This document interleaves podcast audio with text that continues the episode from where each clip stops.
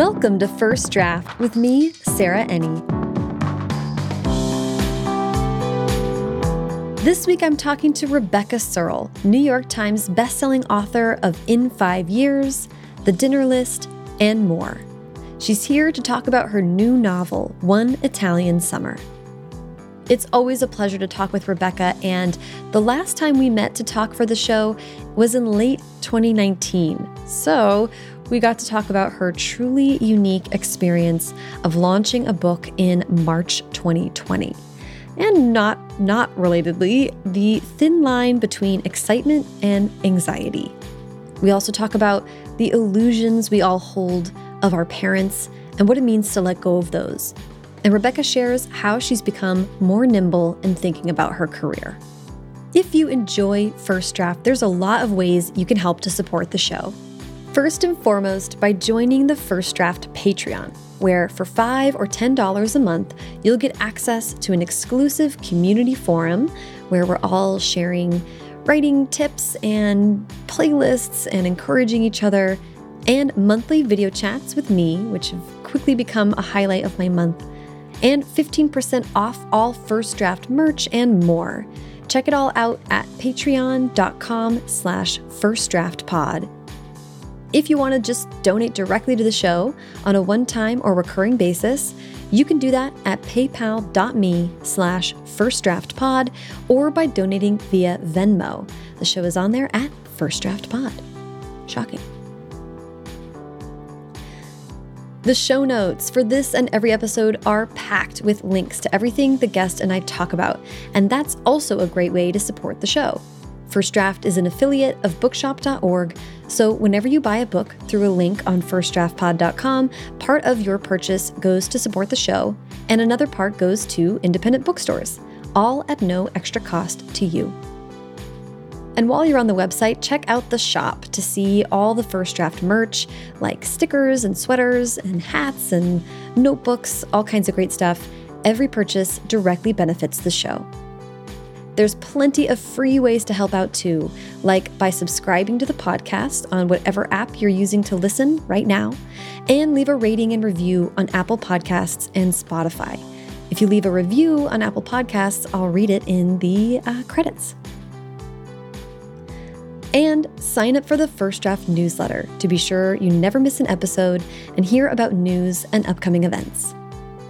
Okay, now please sit back, relax, and enjoy my conversation with Rebecca Serle.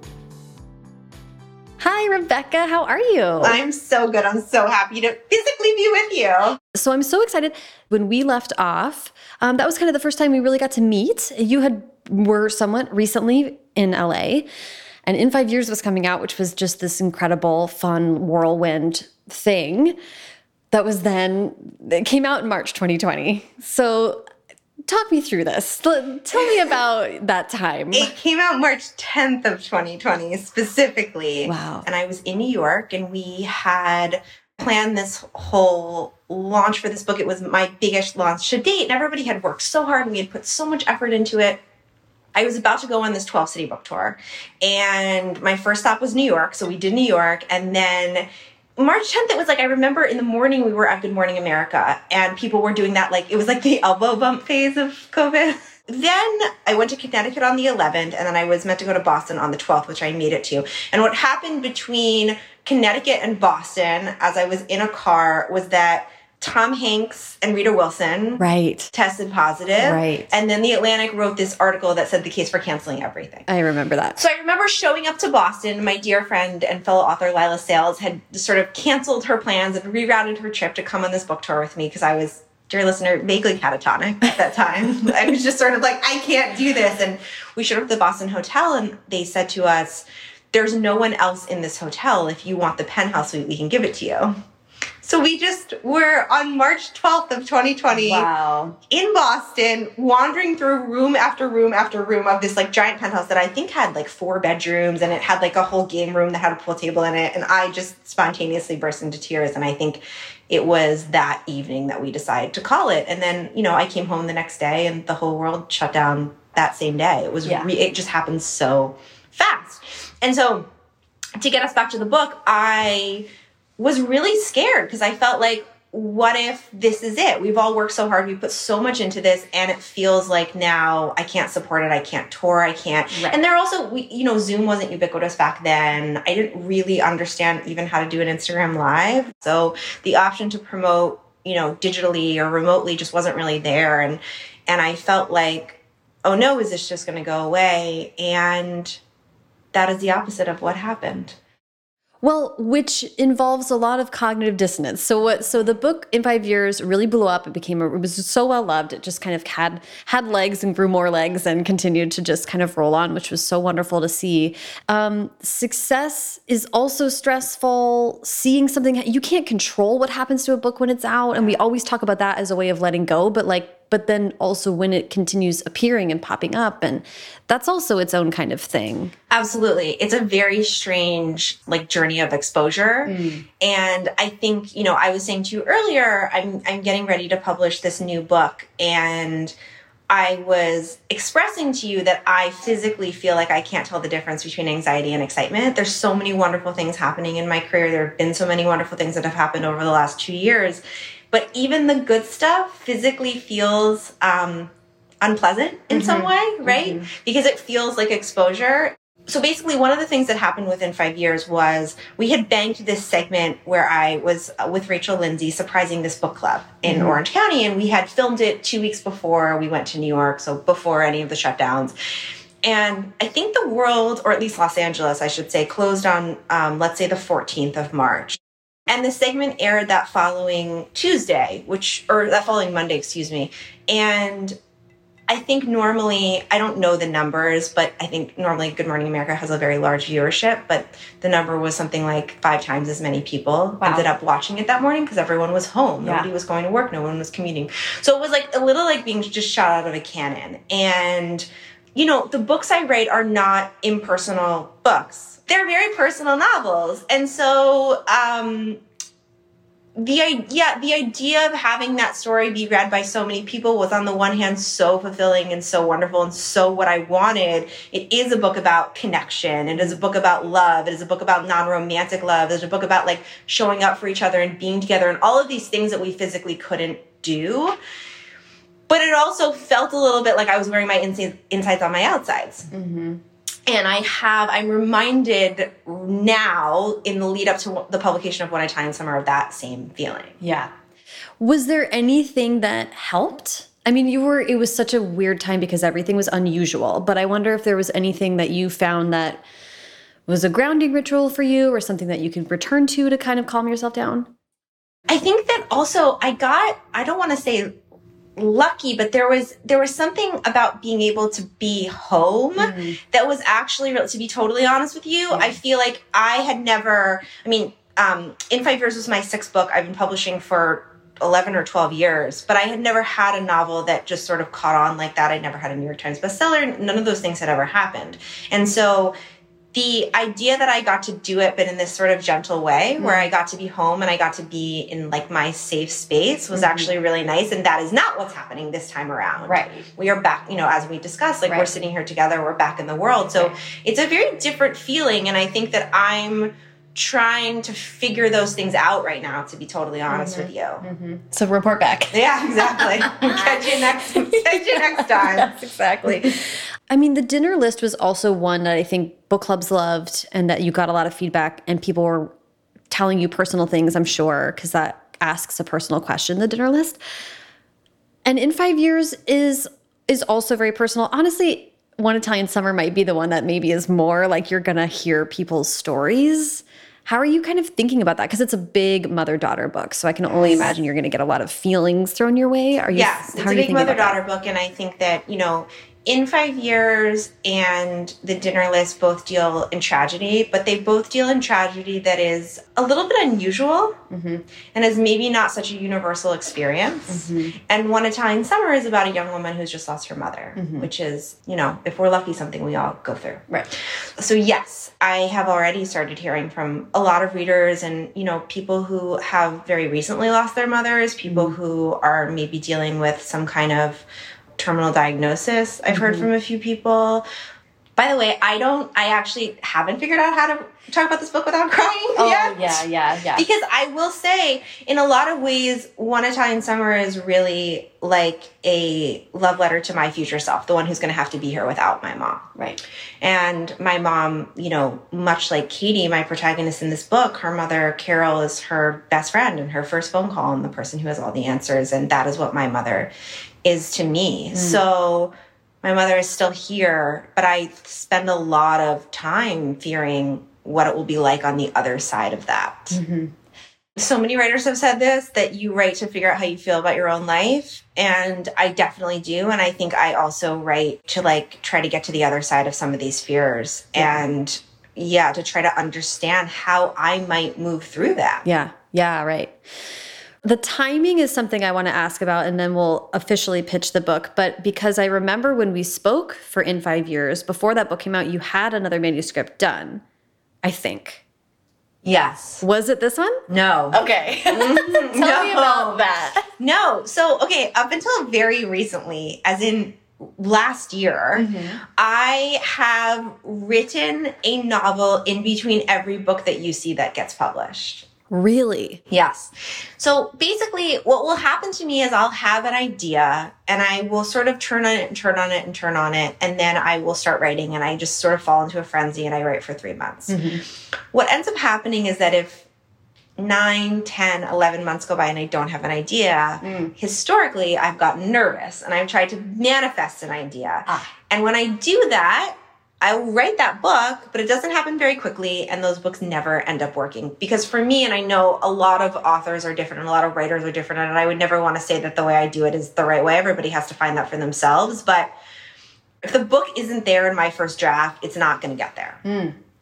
I am not somebody who uh, really heavily edits. My what you see, what you hold in your hands as a finished book is vi- often and most times very, very, very close to what my first draft is. So unless it's really there for me, it's not going to get there. So I have learned, I'm learning to be patient mm. and to wait for the thing that really is just begging me to write it. Mm-hmm. Because that's the book that you will end up reading. Yeah.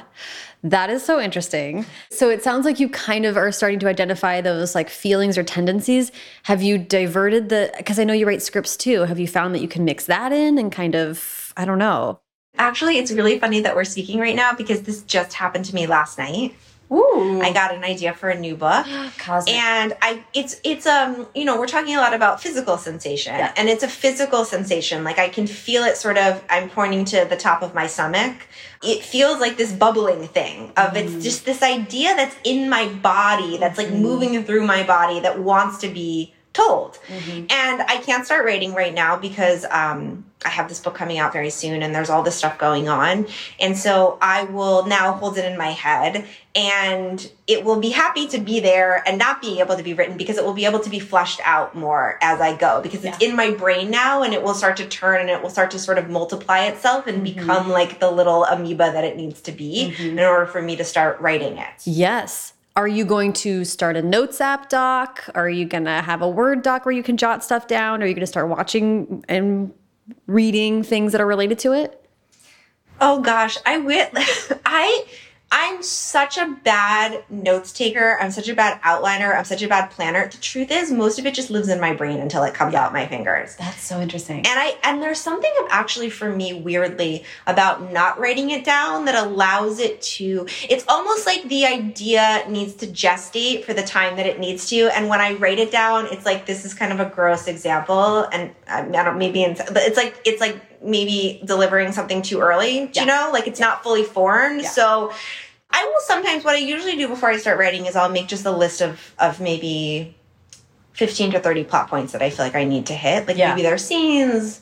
There um most of my books have some kind of uh, twists that come with the idea, and mm-hmm. usually that will be there at the conception of this whole thing. And so I'll sort of say, okay, here's when I think this will happen. It's generally about halfway through the book, but a lot of a lot of my process is really it's like finding the intuitive way to write it. It is yeah. very it is very intuitive and I don't know if that's just cuz I'm kind of lazy and I don't like doing all the grunt work. No. But it is how it is how I work. The way I deal with research is I research up to the point that I feel like I can write confidently and I don't research anymore. Because mm-hmm. that's all I need to do. I'm actually not trying to tell a story about a surgeon or a, I can't think of any other professions right now. I'm like a cobbler. That's literally what's in my head. But I'm not, but I'm not, I'm not, right? I'm trying to tell a story about Bill or about Tara or about Elise. Like yeah. that's what I'm trying to do. Yeah. Um, so yeah, I think just just up until the point that you can, which I think is what we're saying, yeah. the point that you can come to the page with some confidence and feel like you can own your story, yeah. the story that wants to be told. That's all you need to do. Yeah, I love that. Can you or will you or or dare you tell us anything about the book that you had written that will never see the light of day? Oh, well, I, am not going to tell you the title because it's really good and I actually think I might use yes, it again. It. But it was like, it was a little bit of a sliding doors mm. conceit that I just it just wasn't quite working. It wasn't quite working and I'm not really sure why. Mm. The primary relationship in that book actually is a relationship that I am going to repackage and use because it's one that I'm really interested in exploring and it's one I haven't before in my work. But something yeah, something about the conceit or the build of that magic just was not working in real time. And were you the one to be like, this isn't happening? Or was your editor like, eh? I'm very lucky that I I am surrounded now by people who really really understand my work and understand when I when it's the best it can be. Yeah. And so it was a group decision. I I knew that it wasn't there, but I don't think I was like fully prepared to call it. On that particular one, I believe it was my editor. Yes, it was my editor who said, I'm not sure that this should be the next, should be like the follow up to In Five Years. Mm -hmm. And by the way, the second she said that, this actually all happened the day of publication of in five years. We had that conversation. It was like everything was just happening. Or maybe i had that conversation with my agent. She told my agent and i had that conversation with my agent. But everything was just happening simultaneously. And when i got back to los angeles after those sort of prerequisite few weeks of settling in and you know just getting groceries and figuring out who was yeah, going to deliver vegetables. yeah, yeah. Clorox wiping them or whatever we were doing. Yeah. i started to write one italian summer. And it just poured out of me. Mm. And I knew that that was the right next book. Before I ask this question, we haven't pitched the book officially. Oh, we so haven't. Should let's we? do that, and then we'll all backtrack and ask a little bit about the genesis of it. But what is a, One Italian Summer? One Italian Summer is the story of Katie Silver. She is a young woman who has just lost her mother, Carol, and her mother was just her everything. Her mother had all the answers. And now she's gone, and Katie is very unmoored in her life and doesn't know what to do. Carol had always talked about this summer she spent in Positano right before she met Katie's father and became a wife and a mother, and her whole life really changed. And the two of them had had a trip planned to go back to Positano together. Carol unfortunately passes away before they can go. And Katie decides to go on the trip alone. She decides to go on the trip by herself. And in a magical twist, she ends up meeting her mother when her mother is 30 and they spend the summer together as two young women. Amazing. Okay. What where I was leading on my long, long journey with that question was um, was actually about it being not a New York book. Mm, no, it's not a New York book. Which is a first for you, at yes. least in your published work. Yes. And I, I can, I mean, uh, there's no rather place, there's no place I'd rather be than Italy if I was stuck at home. So, which I know from experience because I just spent two years fantasizing about Italy. But tell me about choosing that location and what was it like to write about not New York? the relationship for me between my writing and New York was a very involved one. And I actually think that I stayed in New York for an additional four years because I was so afraid that if I left, I wouldn't be able to write. I mm. really believe that my, like, the hotspot of my writing was in New York. Mm. And what happened was that I drafted most of in five years in LA. I wasn't living there at the time, but I was sort of back and forth because I had, which we talked about last time, my mm -hmm. television show Famous in Love.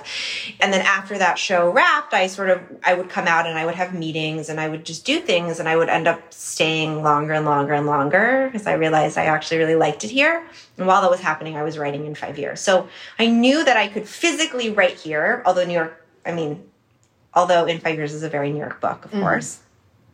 But I knew I could write here. And so then when it came time to tell a new story, I really wanted to tell it about the place that I live. You know, mm -hmm.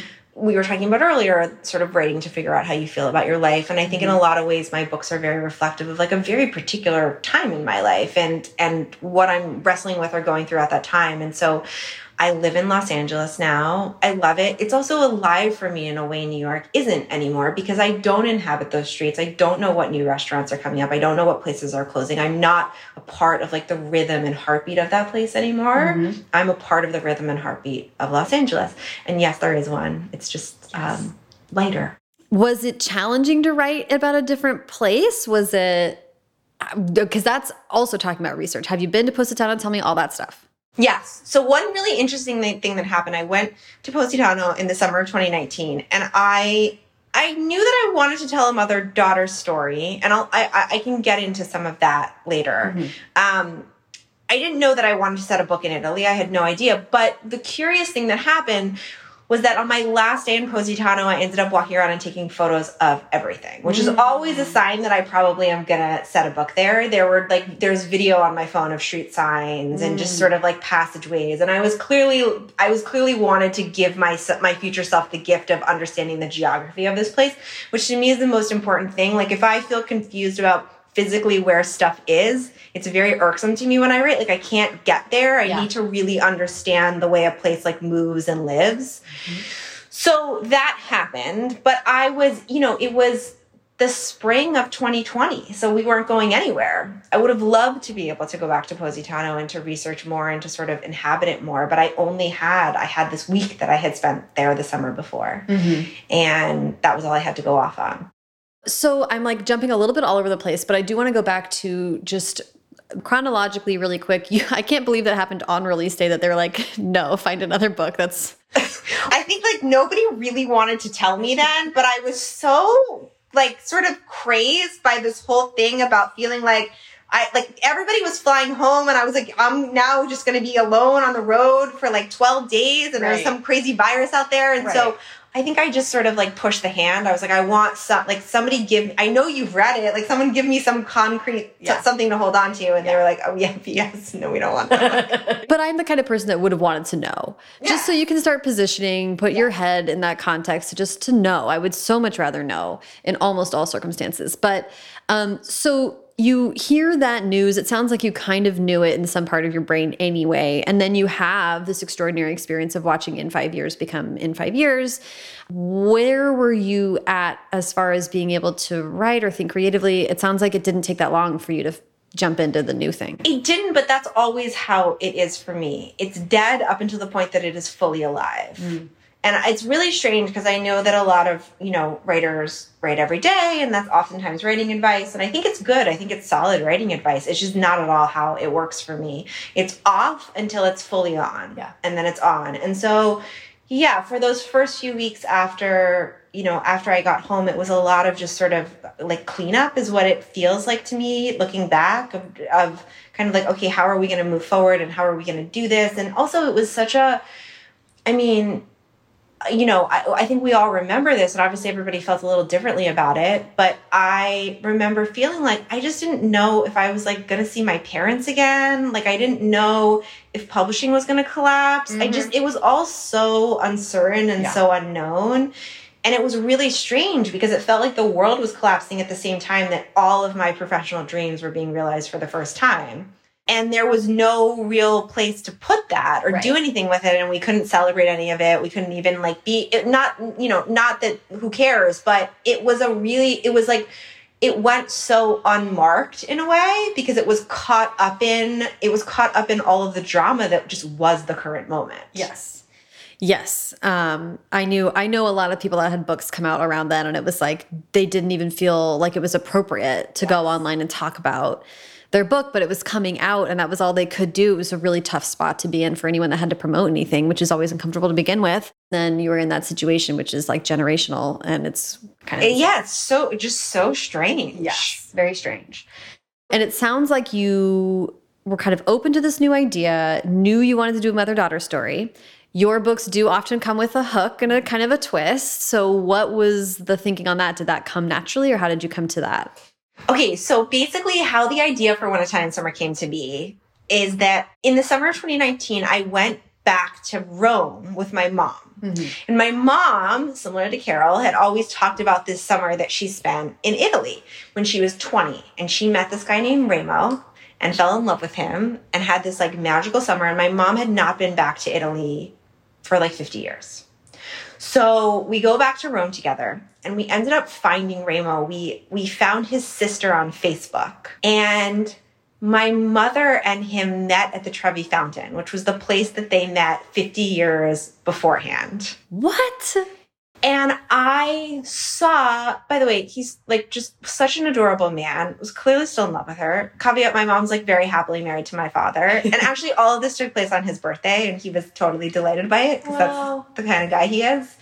But I got to see my mother in this very different light. She was like nervous leaving the hotel and she was like asking me if I, I liked her skirt in this really mm. girlish way. And my mom is not, not, none of those things. Like she just, but she is.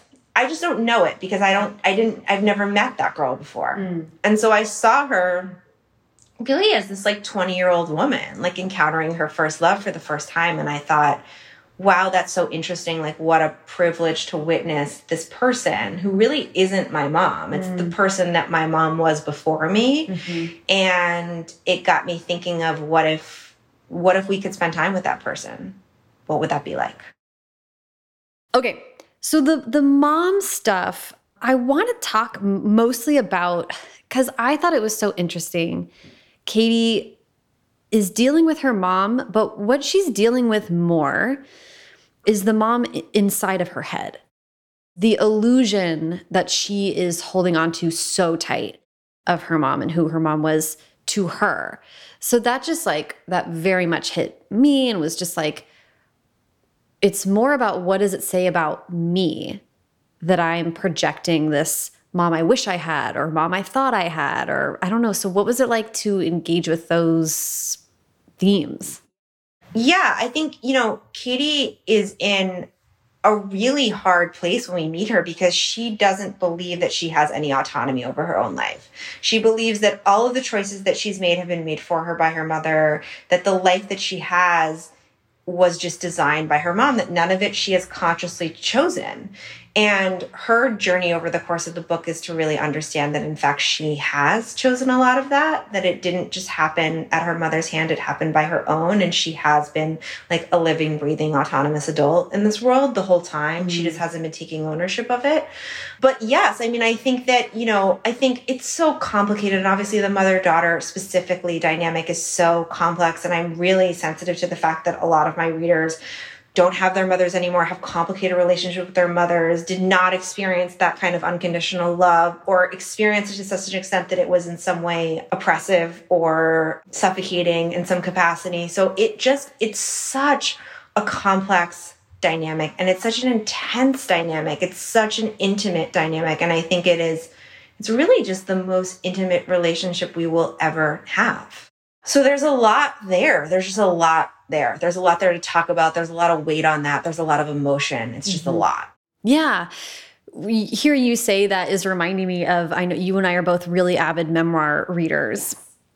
And like I've been thinking so much about this lately about what makes a story interesting, what makes us interested in something. And it often is just someone saying, This was my experience of my reality, and us measuring to and against and, you know, it frustrates me because hearing you talk about the different experiences of your readers, you're right. But I also hope that people are able to appreciate what you're putting on the page, even if it doesn't match their experience, because that's the joy of literature is seeing other possibilities or other realities and saying like that's not mine but it it illuminates part of mine Yes. And I think, you know, we use this phrase a lot in writing that the more specific something is, the more general it becomes. Yes. And I think that that is true because I think that even if this isn't your experience of motherhood or of having a mother, you can maybe recognize some kind of universal truth or universal feeling or universal emotion in the story. And that's always what I'm trying to do. Stories are specific. Not everyone's going to see themselves in the minutia of what stories are. But if you can make someone feel something, if you can make someone feel like oh, you're naming that thing that I feel. Like Yeah. you're putting a name to it. I'm reading it and I'm saying yes to that because it is something that I experience in my body and myself in my life. It doesn't really matter what the manifestation of that is or how it looks. Yes, I totally agree. But the other thing um, was I'm interested in what it means. What do we lose when those illusions crumble? That's something that I've been thinking about because, and again, let me know if this is too spoilery, but there is something I think that is stood to gain from letting the illusion pass, right? Like Katie finds some autonomy and what, just what you described. She has to realize she's an autonomous adult who can make her own decisions, and she actually always has been. That's a really powerful thing to gain. But in order to gain that, you have to lose the feeling that there's an all knowing, all powerful person who can guide you. I think that there's a real sense of loneliness, you know, in in the loss of our parents, but also the loss of the stories about our parents. Mm-hmm. In recognizing that they're human beings just like we are. They are no more or less equipped to go through life than we are. In some ways we are more because the as we go on, hopefully we work out some of this stuff that our parents were carrying and mm-hmm. hopefully, you know, we continue to evolve as we go, as generations go. But um yeah, they're human beings and I, I think there is a real worthy sadness in that, in understanding that they're not gods, Yeah. for better or worse. A long time ago, somebody phrased it to me, and I, again, wish I could remember who this was because it stuck with me and it's so profound. But someone was like, Well, you know, it's your mom's first time having a kid, too. And I was like, Oh, shit, you're right. Like, so it was kind of in my head th- something I came back to to be like, you know, give her a break. Yeah. And you know, the other thing about it is like, no one gets out of childhood unscathed. Nobody. Yeah. Not a single person. And I know, you know, you and I have friends now who have babies and who are trying to navigate that and be the best mothers and, and parents that they can be. And the truth is, you can do it so, what you think is so right. You can dot every I and you can cross every T and it, it, everybody is going to grow and evolve with their own particular set of traumas. Like childhood is a trauma. It just is. Yes. There's no way around that because life is going to happen. And you never know. Like, I think all the time of the random stuff that scared the crap out of me. And it's like, where were my parents? Why was I being so scared by that? And it's Yeah. like, well, it was the brave little toaster. you know, that was meant for kids, so they couldn't protect you from that. The other thing I want to talk about is seeing characters at their worst slash anger. I'm not going to talk about the specifics of how that is expressed in this book because we want to save um, that reveal for the reader. But there's a really powerful moment when Katie's at her worst. And when reading it, I was really struck because I'll say for mine, spoiler for my book, that's not even sold yet, but my agent at some point highlighted a section where my main character reacts to something her mom said. And my agent was like, Bratty, okay? And I was like, Bratty, more than okay. Bratty 100% all the time. It was like, yeah, that's the only believable reaction. yeah First of all, my character is 17, but I was like, when it comes to our moms, we're always 17 we're always 17. or younger. yeah or younger. But as it relates to reflecting that experience, I was like, I found her, it was so rewarding to me to see her respond and have anger and be a little, you know, s- toe, foot stompy about it. Yes, she's she's angry because she sees her mom as being a reflection of her. And so the fact that her mother has a different life, a different perspective is really enraging to her because it's like you're just my mom. How dare you be a woman who's not just my mom? Mm-hmm. And I really relate to that in some way. Like, I- I'll be honest, I still expect my mom to drop everything and answer my phone call if I call. Yep. And in, you know, in some ways to prioritize my life over hers, which is not fair. Yeah. And I, like, I recognize that, but I think it's a really common feeling Yeah. in adult daughters of mothers, especially mothers who have really given us so much of their time and attention as we grew up to feel that way, to feel like you're mine Yeah.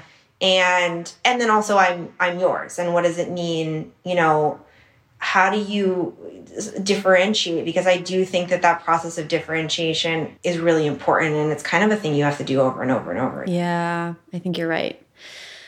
I think you're right. Yeah, and it's so interesting because I think we talk so much about parents putting pressure on their kids to live up to some ideal, and it's just as potent the other way around. Oh, absolutely. Absolutely. Which is hard to, you know, maybe it's just that we're getting older and we know moms and are, could be moms, right? As opposed yeah. to um, growing up and feeling all the other rebellion that comes from the other way. But now I do see like I'm putting that on someone and it's not fair. Oh, for sure. And I also just want to say, you know, I think there is a real pressure as we get older and as they get older that we want it all to be so good because we don't know how much, how much time we have and we don't know, right? It's like life is fragile. We recognize this the older we get. People lose people. It happens, you know. Obviously, you know this better than anyone so there's a lot of pressure on those relationships. Mm-hmm. I feel this, I'll speak for myself, that I feel when I'm with my parents of I don't want to be that bratty 17 year old. I want to have memories of me being a good adult and and being compassionate and and you know not snapping at her. And I think that there's also, you know, we need a sense of self-forgiveness too that those relate not only are the people in those relationships, but the relationships themselves are flawed. They're mm-hmm. really they're just so human. Yeah. And you got to show up to them human because you any other way you're just going to disappoint yourself. Yeah. Yeah, I think that's really well said. But as far as drawing a character too, like to me, I, I was sort of cheering in the moment because I think, and it, you you helped me kind of crystallize this belief that I have that I have felt very strongly for a long time that I always need to see a character do the thing they're excellent at in order to really understand them or to cheer for them or to get them. Whether that's casting an evil spell or, you know, being president. To me, that's so important. And then I realized you also need to see someone be at their worst. It could be in service of, an, of a good thing. It could be um, uh, someone with best intentions but going wrong. Like, but you need to see somebody at their low and at their worst. What came to mind was Anne of Green Gables because we see her be so excellent and we see her be so bad. Yes. And that she's in a character that you would follow anywhere, right? So, anyway, that's what came to mind. I was like, wow, this is so well done. And it makes the character feel completely full because you see the two extremes. That's so interesting. I'm, I've never thought about that before, but I think you're absolutely right and I'm taking that now. I'm taking that. I'll credit you. But that's brilliant. That's really true. I hadn't ever thought about that before. What made me realize it was rewatching Parks and Recreation for like the fifth or sixth time. And even Andy is excellent. Even um, Aubrey Plaza's character, April, is excellent. Every single character on that show even Jerry is the best family man. Yes. They all have their moment of, oh, this is the area of their life that they have completely figured out. Yes. That they are batting a thousand. And then in every other part of their life where they're like off the rails, I can forgive them. Yes. And what's so interesting about that too is different characters ascribe different meaning to those pieces. So, like Danny, my protagonist in, in five years, is extraordinarily attached to being very good at things mm. and is really against showing vulnerability and being bad at things. Whereas I would argue Katie doesn't really have as clear of a sense of self when we meet her and isn't really, I don't even think she would understand the question if somebody asked, What are you good at? Mm. So, she, um, I think, you know, in the beginning of this book at least, really ascribes a lot of meaning to like being at her worst and being sort of this like victim in some ways. This yeah. um she's a child. Yeah. Because that's pre- that's predominantly how she identifies as being someone's child. Yeah. And so I think that that yeah, also how different characters sort of negotiate that and what matters to them. That's that's very interesting. it's fun to think about too and I think I'm going to ask myself that as a reader if I'm ever feeling disconnected from a book or whatever. Maybe that's like a way in or what are the characters that really endure for me and like, oh yeah, that's like what they have in common or whatever. Yeah, I like how you put that that Katie kind of identifies as a child because another defining thing is that her in her marriage she understands that she has not had to deal with things basically. She sort of knows that she's untested in this really awful way that no one wants, you know, you don't I, I brought up Homer with you earlier. I think I just watched Oh Brother We're Out There, but like you know, nobody like sets off on a ten year quest to be kept from their family. But like we, but we all become who we are because of these trials. Yes, and I think that you know there's no real way to prepare for grief. Um, if there were, I would, I would, I, I try hard to do it. much speaking of therapy, much to my Yeah. therapist's chagrin, because she's like, it's not gonna work. You can't. There is no way to prepare for that. You can't. You just actually rob yourself of what you have. You know, Right. Of the, the, the experience of now. But yes, Katie is Katie is very untested, and I feel in a lot of ways I relate to the fear of not of feeling like I, haven't hit the bottom of the pool in my life. Mm. And what will it be like when I do? Mm. What will it feel like? Will I be able to push myself off the bottom? Will I be able to swim? Will I drown down there? I understand that she feels, you know, really, really, really untethered and really scared because she has no memory of swimming to the surface before. And now, you know, when this book opens, she's at the bottom and she's feeling like, how do I, like, how do I get up there? What happens now? There's no script. I have no idea what to do. Mm-hmm. There's just, there, there is something really, really interesting and really tragic about the fact that we can't you know, life finds us when it does, I guess. Well, you know, what comes to mind is that what we are talking about is what you tend to talk about in your fiction, which is fate versus free will. When you start phrasing it that way, you start saying, when you're a kid, you're like, oh, I'm, I'm making this up, but it's like you're 18 and you're like, my great trial is going to be the difficulty of becoming a Supreme Court justice, but I'll prevail. And, well, and it's just like, okay. Yeah. Well, you actually don't get to choose. You just have no idea what winds are going to buffet you and where you're going to end up. And the task of being a human is to find joy and meaning wherever you are as much as you can. That's so beautiful. That's it. That's it right there. That's it. The, it's just that easy. But that is the goal. Yeah. That is the goal. It's what we say. Like, you can't choose what happens to you, but you can choose how you react to it. Right. That's what it is. Yeah. That's it. That's all. That's all it is. And, you know, life is a process of getting hopefully better at that. Yeah. I think I'm getting a little bit better at it. How do you feel? I think so too. Yeah. And this is related to what we're talking about with loss. You can't, you can only be where you are. Yes. and you're not actually meant to be anywhere you're not. That sounds really rudimentary, No. but I, I think it's really true. I'm going to throw it to you in like a crazy way, but this is where this is what blows my mind sometimes. Um, your mom and my mom are probably around the same age, and every once in a while, my mom, I- I know everyone my mom had a crush on when she was a teenager, right? Many of them have passed on, which is like um, what happens. But like the Monkees and right, like Yes. all of the Oh, yeah. John Denver, like all of this stuff, where she was like, "Oh, these guys were slow, like so hunky. I was in love with them."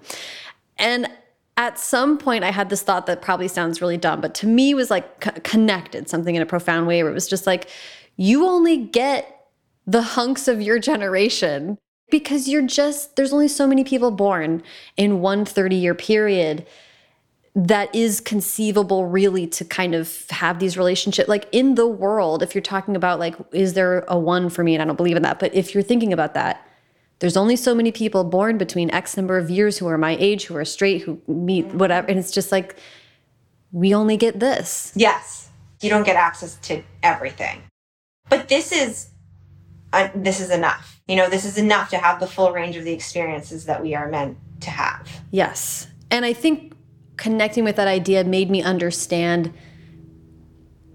letting go of like i didn't even realize i was carrying this like but what if and it's like i don't need to worry about that Yeah, that's not real. I only get the hunks I get. That's it. You only get the hunks you get.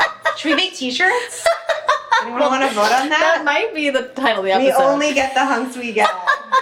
I love where that where we get we did it. That's my profound thought for the day. I love that. yeah, it was just a funny thing. I was like, we're gonna watch, you know, uh, Bill Hader get old. We're gonna watch Harry Styles get old. We're- Yes. these these are our people, These are our people. and that's beautiful. that is beautiful. Even the TikTokers. Even the TikTokers, bless them. Oh my gosh, uh, we've been we've gone far afield, and yet it feels perfect. Is there anything else about One Italian Summer that you want to make sure we get to or talk about? I al- because I do want to hear a little bit about what you have coming up next. What if I don't know. I guess I, I you know, I can just talk about a little bit about what I hope people get from it. Yeah, please. You know, I wrote this book in such a strange and disconnected time. And in five years, you know, was born into a very strange and disconnected world. And my hope for One Italian Summer is that it is born into a very different one, one where we can be together. Um, you know, my like dreams for this is that it just gets like waterlogged poolside by a bunch of cocktails. um, I want this book to be out and be experienced in the world. But you know, for those of us who who who can't travel, who you know, I know international travel is still challenging. There's there's a lot of stuff we are still very much dealing with, and um, I hope that the book can be transportive in some way because it really was for me when I wrote it. Mm-hmm. It was a way to sort of escape and get out of my current situation and and be in Italy and eat pasta and drink wine and so I hope that people feel that when they read it. You know, it is a book that deals with a lot of really significant serious stuff, but in a lot of ways it's a much lighter book than in 5 years was. Mm. We've been sort of saying at my publisher that if in five years is like the stars at night, then One Italian Summer is the sun at high noon. Aww. And that is what it feels like to me. It feels like a new day. It feels like a book that is that is really in the light. So mm. I hope that that's what people feel when they read it. Um, I love that. That's beautiful. Thank you for sharing about it. Um, so I know you don't typically share too much about what's coming up, but mm. what's coming up? Um, I did write another book uh, last year, and um, that book you will see. Probably not till um, for a while. Okay. Probably not for a while. So I have a new book coming up and um and there's, you know, there's good stuff happening in other realms as well. But I think that I think that you will see a lot more stories from me. I'm definitely not I'm definitely not done. Yay. Okay, well that is great. Um, and then you know I like to wrap up with advice and I love when I get the chance to reconnect with somebody to hear if there is anything that they've learned recently or anything that they you know, advice since we've last spoken that has struck them or I'm like, now I'm like, what was my advice last time? I, I know. I, I like, don't remember. what did I say? well, like, you were, you did talk about reading and being an apprentice yes. to reading. What have I what have I what have I learned since in 5 years? You know what I think that I've I've really learned is to trust your own process I think that I spent a lot of my early years of publishing and just a lot of my early years in life, and this is what we all should do is accumulating and picking and choosing sort of like this part from this person and this part from that person and trying out the way this person wrote and trying out the the sort of writing patterns that this person had and you know writing every single day or only writing one week a month or you know whatever it was and I think that I've now gotten to a place where I know what works for me mm. and like trusting that and going with that and understanding that like that is right, you know, sort of eyes on your own work, if you will. And then also, you know, the flip side of that is that right now I feel like I'm in a really good rhythm and I understand how my books are, but not holding that too closely, like not having so much attachment to it always having to look this particular way. Because mm-hmm. as we've been talking about the entire duration, you know, of this chat, life is going to happen and things are going to change. And so I think that I hope that I have become a little bit more adaptable in the last few years. I hope we all have, frankly, and um, and a little more nimble to mm-hmm. understand that that yeah, my process is going to evolve. The books I write, the kind of books I write, are going to evolve. Mm-hmm. You know, there may be some that are more or less successful. All of that is going to be a part of my process, and how do I just show up fully for all of it? Yeah, I love that. I think that's really well said. And and and what comes to mind to me too is especially when you say nimble, being open to opportunities because opportunities won't always come the way you think or hope or had previously thought, but they could be really cool and special. They could be really cool and special. Yeah. yeah. Uh, well, this has been so fun. This is very cool you, and Rebecca. this was, um, and we'll we'll talk soon. Whenever the next. We absolutely will. We're gonna go finish our drinks now. Yes. Thank you so much to Rebecca Follow her on Twitter at Rebecca A. Serle and on Instagram at Rebecca underscore Serle. And follow me on both at Sarah Enni and the show at First Draft Pod. First Draft is produced by me, Sarah Enni.